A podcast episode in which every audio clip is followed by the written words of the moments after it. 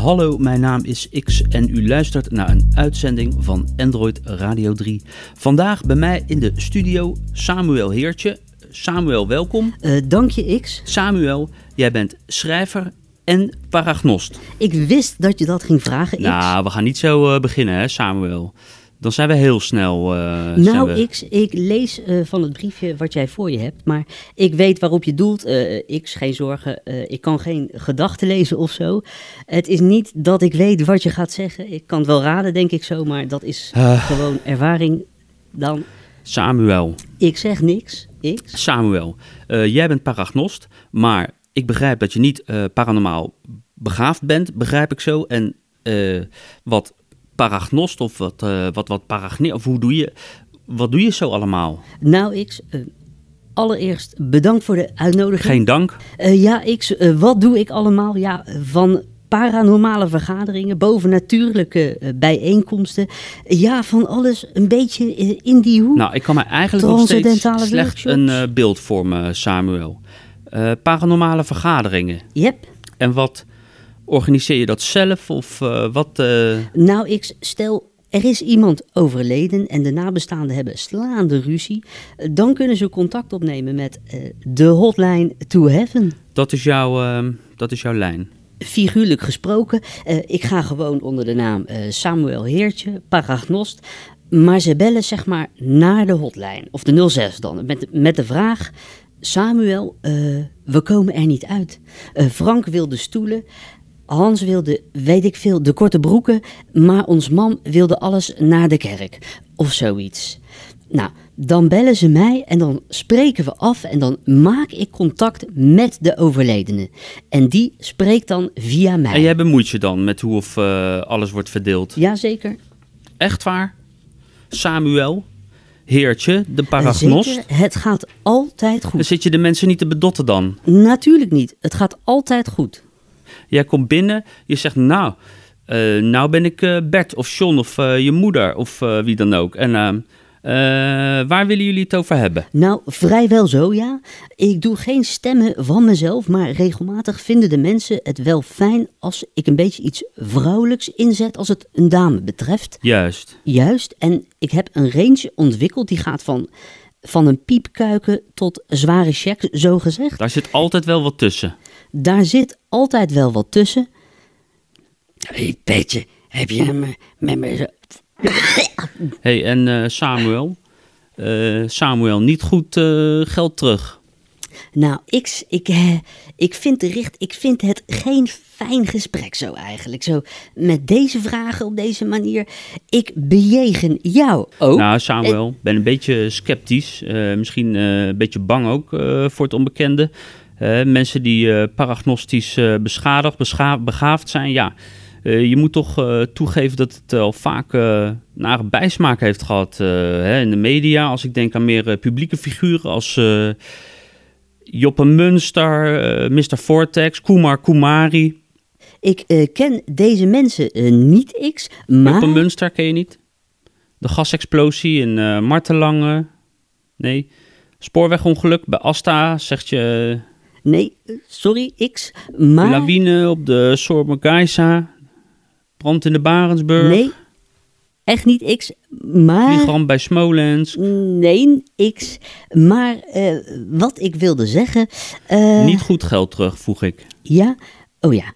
X, laat ik even gezegd hebben. Ik heb in 2008, 2014 en 2016 de lotto gewonnen. Ik hoef mijzelf niet te bewijzen, X. Ik heb niks nodig. Ik wil alleen maar geven. Nou, uh, daar gaan mijn nekharen al... dus dus je werkt gratis? Ja, wat zal ik... Kijk, als paragnost, ik geef aandacht. Ik verdiep mij in de persoon en ik geef iemand nog een keer iets waar diegene nooit tijd voor heeft gemaakt. Dan zeggen ze, ach, had ik maar wat vaker eens langs oom Bert gegaan. Hè? Ja, nou is hij dood, omdat je altijd wel iets belangrijker vond. Maar dat zeg je niet, hè? Je luistert eerst honderd uit en dan zeg je iets als... Nou, John, ik weet het goed gemaakt. Ik kan Bert erbij halen en dan kan je samen nog eens een laatste avondmaal genieten. En wat zeg je daarvan? Nou, en voor ik het weet, eh, zit ik in het Okura een visje te happen of weet ik veel. Dus, nou, dan komt het soms zo uit dat ik Ja, ik- ook ja. een gezellige avond Weet je, heb. zoals jij het eh, brengt, eh, Samuel, klinkt alles eh pijs en vree. Maar ja, nou goed. Oké, genoeg gezever van mijn, van mijn kant dan. Ik heb nog wel eh, duizend vragen, maar ehm, Samuel. Jij bent naast paragnost ook eh, schrijver, of naast schrijver ook eh, paragnost. Maar in ieder geval heb je recent een nieuw boek geschreven met als titel Een farao in doodsangst. In doodsangst? Ik ben daarin begonnen, maar je hebt het geschreven in een soort eh zelfverzonnen hieroglyphen. Met een, een, een even zien, Hieroglyphen, dat klopt. achter in het boek als bijlage een drietal gevouwen posters op A0 formaat zo.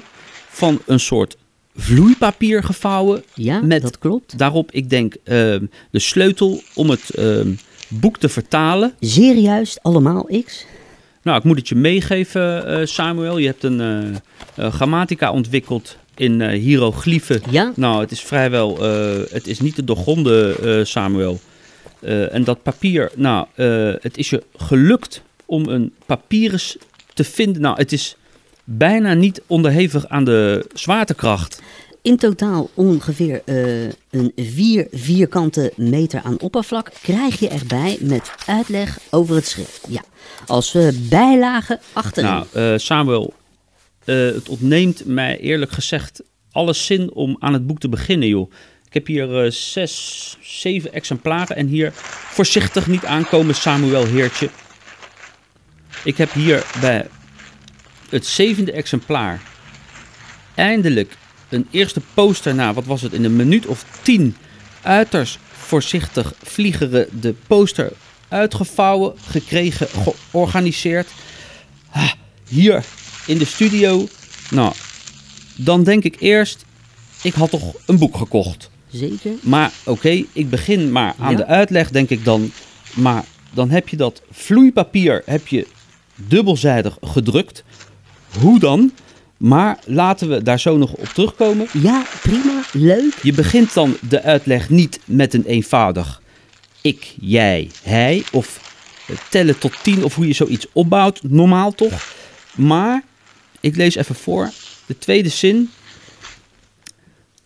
De waterbuffel wordt tot drie maanden na de equinox altijd met de horens neerwaarts afgebeeld.